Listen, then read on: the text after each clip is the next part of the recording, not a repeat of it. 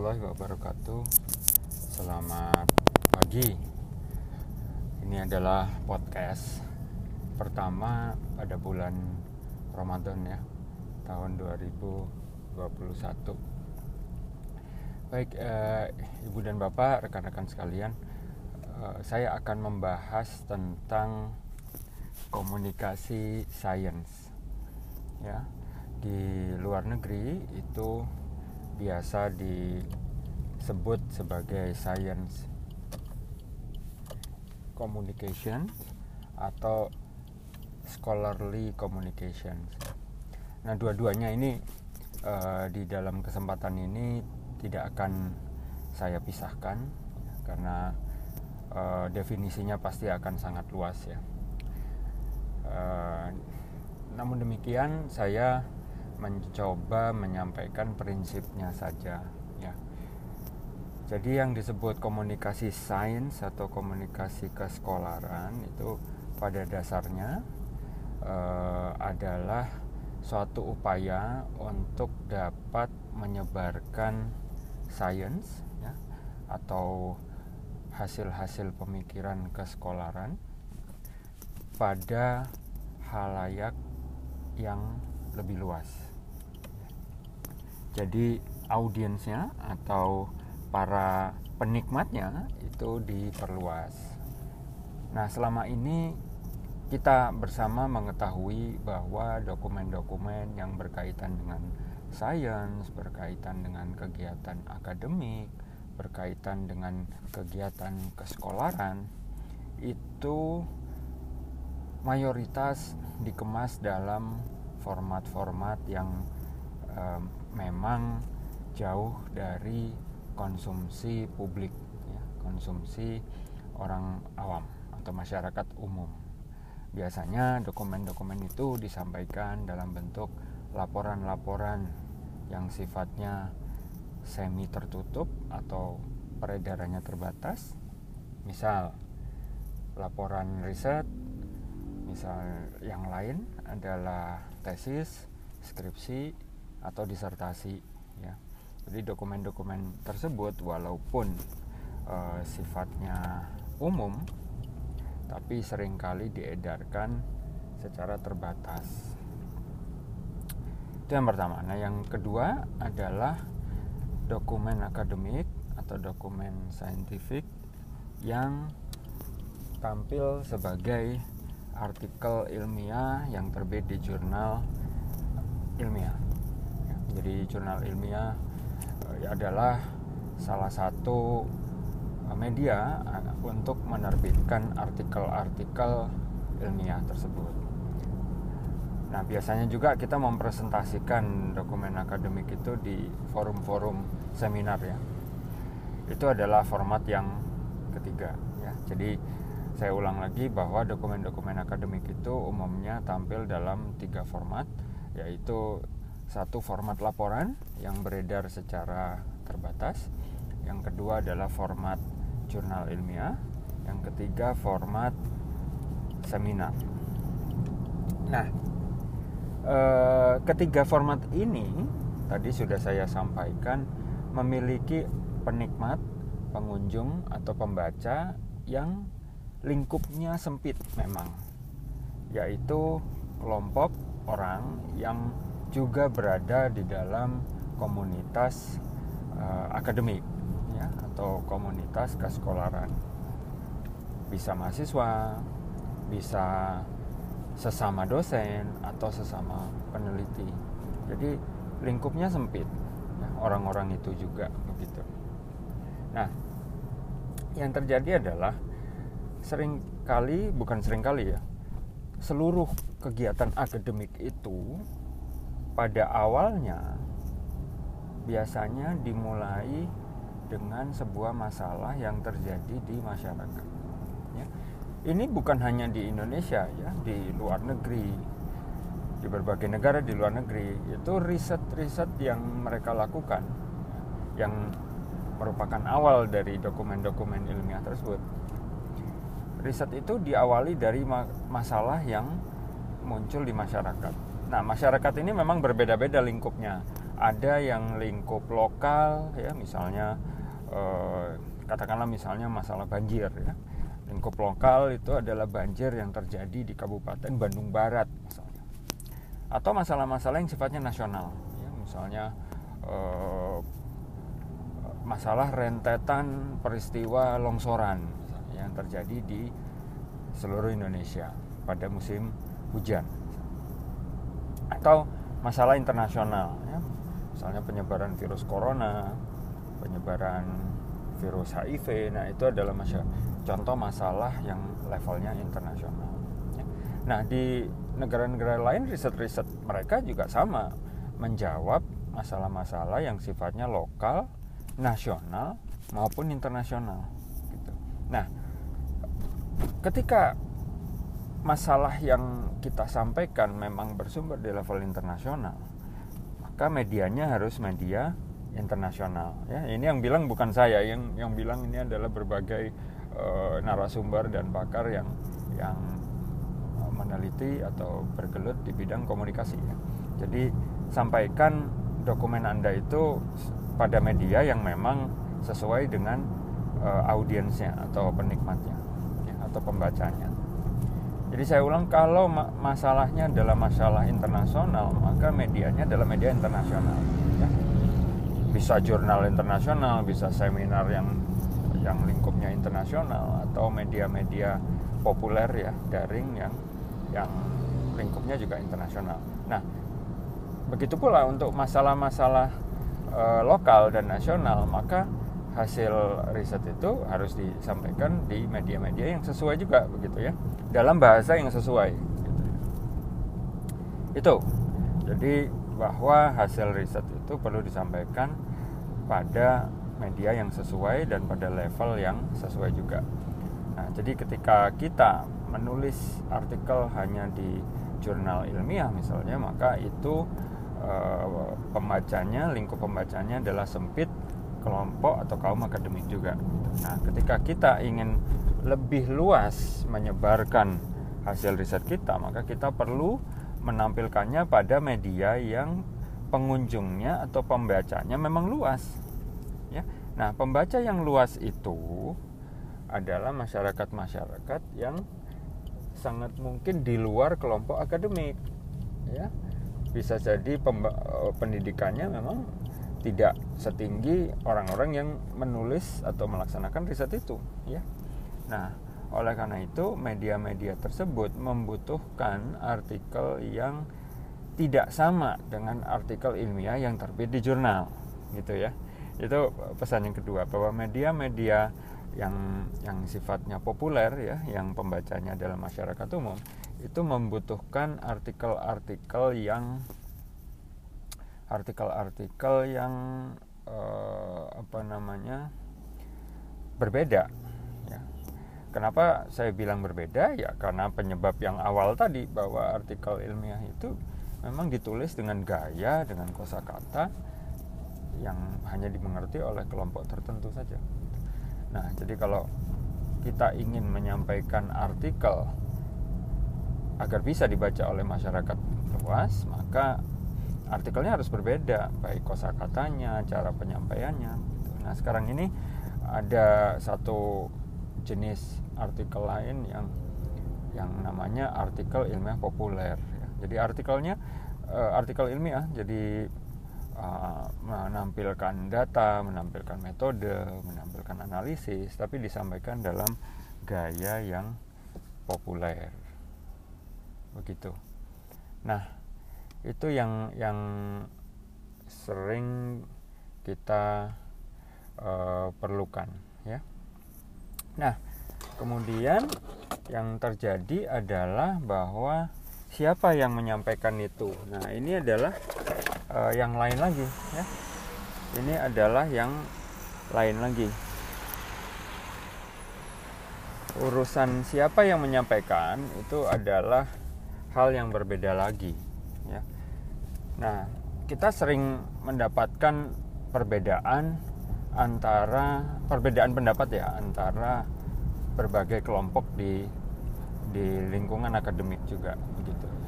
Jadi pendapat yang pertama adalah yang wajib menuliskan itu atau yang bertugas untuk menyampaikan hasil riset itu ya jurnalis sains ya jurnalis ilmiah atau penulis sains jadi bukan dosen bukan peneliti itu ada yang berpendapat begitu.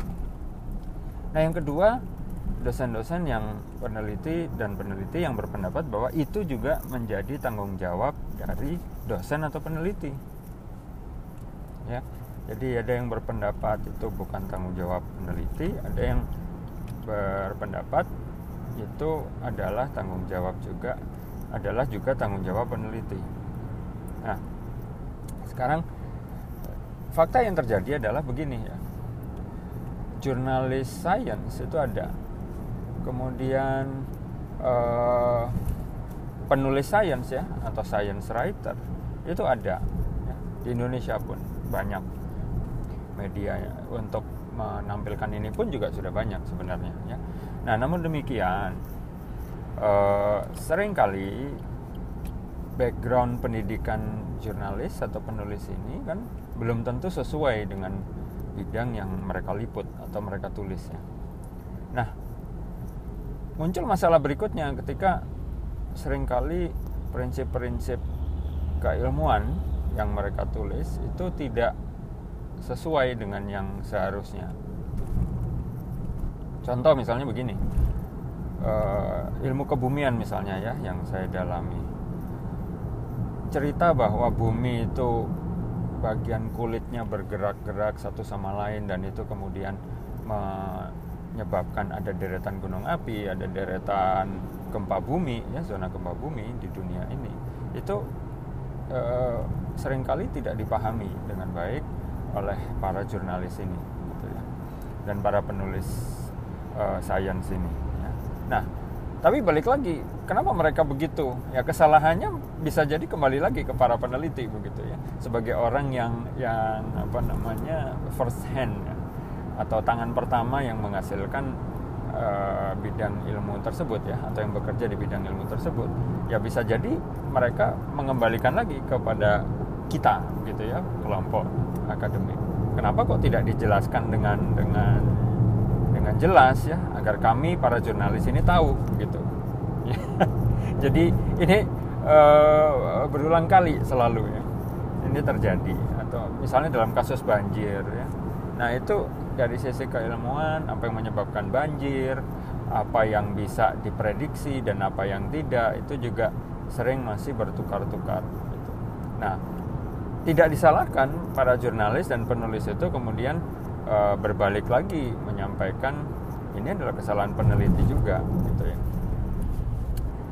Itu itu di, di satu sisi. Nah fakta yang berikutnya adalah di dari sisi peneliti atau dari sisi dosen juga banyak komplain yang mereka sampaikan juga begitu ya. Komplainnya tuh begini jadi uh, sering kali misalnya mereka diwawancara begitu ya. Kemudian apa yang yang mereka wawancara yang mereka bicarakan itu kemudian dicatat direkam oleh para jurnalis dan para oleh atau para penulis ya penulis sains. Nah ketika terbit itu mereka menganggap para peneliti ini menganggap tulisannya itu kok tidak sesuai dengan apa yang yang mereka sampaikan begitu ya. Atau bisa jadi tulisannya sesuai hanya kok pendek sekali begitu ya dipotong-potong nah ini juga komplain yang atau keluhan yang sering disampaikan oleh rekan-rekan saya.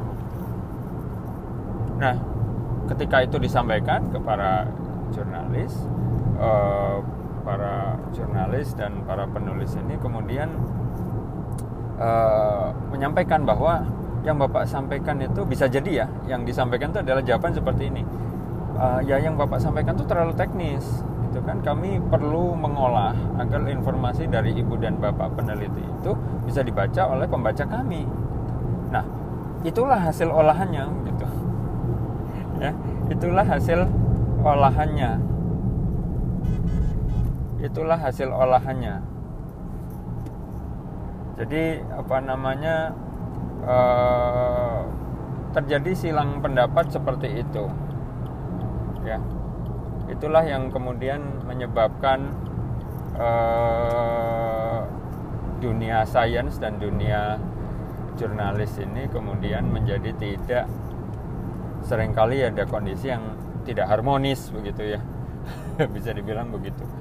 Ya jadi uh, kurang lebih itu masalahnya. Jadi dari sisi jurnalis itu penyampaiannya sering dinilai kurang tepat atau terlalu pendek sementara mereka juga punya tuntutan agar medianya itu dibaca orang jadi harus semudah mungkin tidak menjemukan begitu ya di satu sisi lagi uh, para peneliti ini sebagian juga berpendapat bahwa uh, menyampaikan sains secara lebih luas itu adalah tanggung jawab mereka.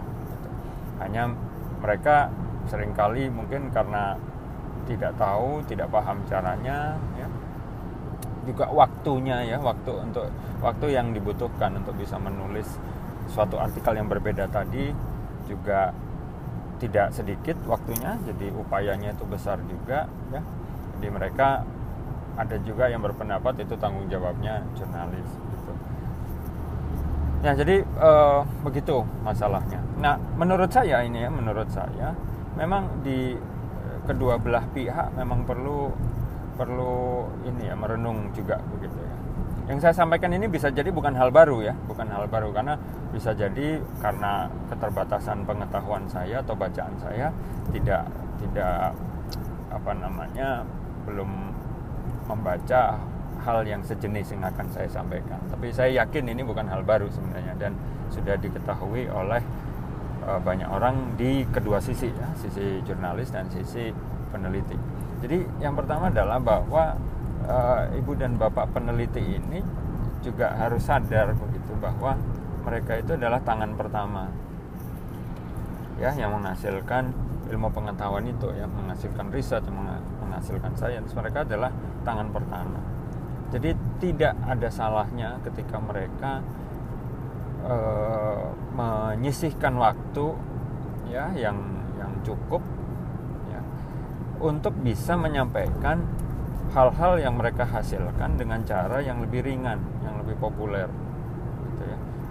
Tentunya dengan berbagai contoh mungkin, berbagai analogi ya bisa jadi misalnya e, ilmuwan yang mempelajari nanoscience misalnya atau partikel nano itu bisa jadi mungkin tidak bisa menjelaskan ya teorinya dengan lengkap ya tidak tapi mereka mungkin bisa menampilkan contoh-contoh dan analogi agar yang mereka hasilkan itu bisa dimengerti jadi sama sekali tidak ada kewajiban untuk uh, menyampaikan secara lengkap sebenarnya tapi lebih banyak bagaimana agar analogi dan contoh itu bisa dipilih untuk bisa menggambarkan apa yang kita lakukan atau yang kita hasilkan gitu ya.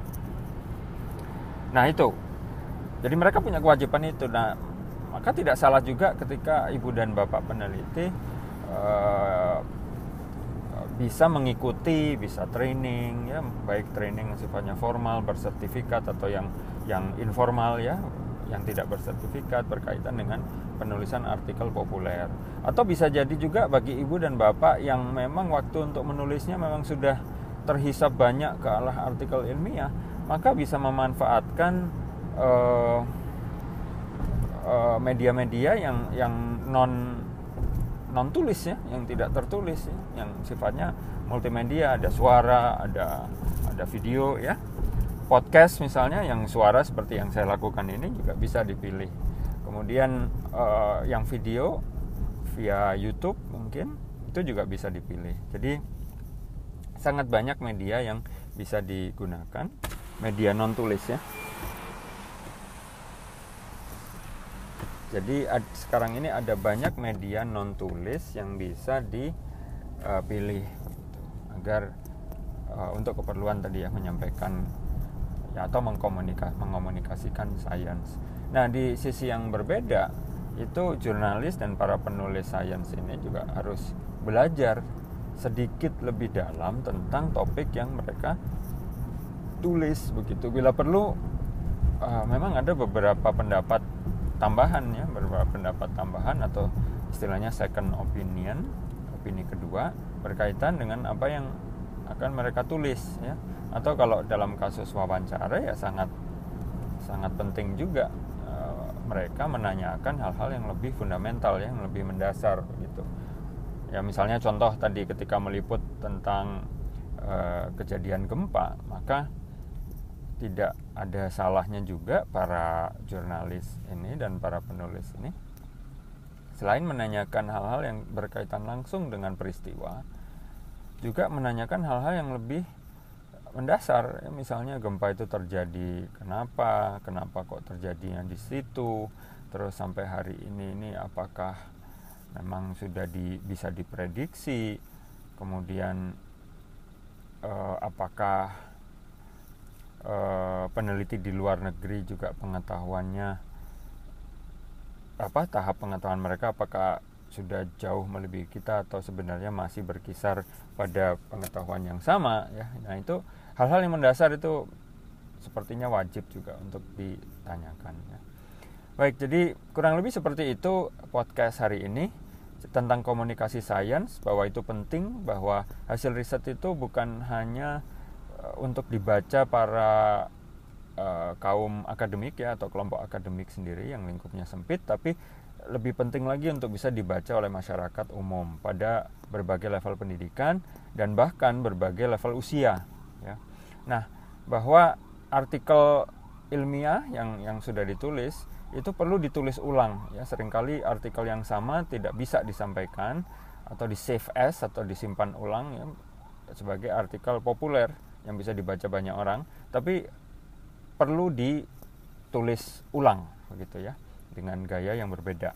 Nah, ketika uh, untuk menulis ini uh, perlu waktu yang bisa jadi lebih panjang, maka bisa juga kita memilih media-media yang sifatnya non tulisan ya yang berbasis suara atau audio visual juga bisa silakan dipakai atau kartun itu juga bisa nah yang terakhir adalah bahwa eh, kewajiban untuk mengomunikasikan sains ini adalah kewajiban para dosen dan peneliti juga.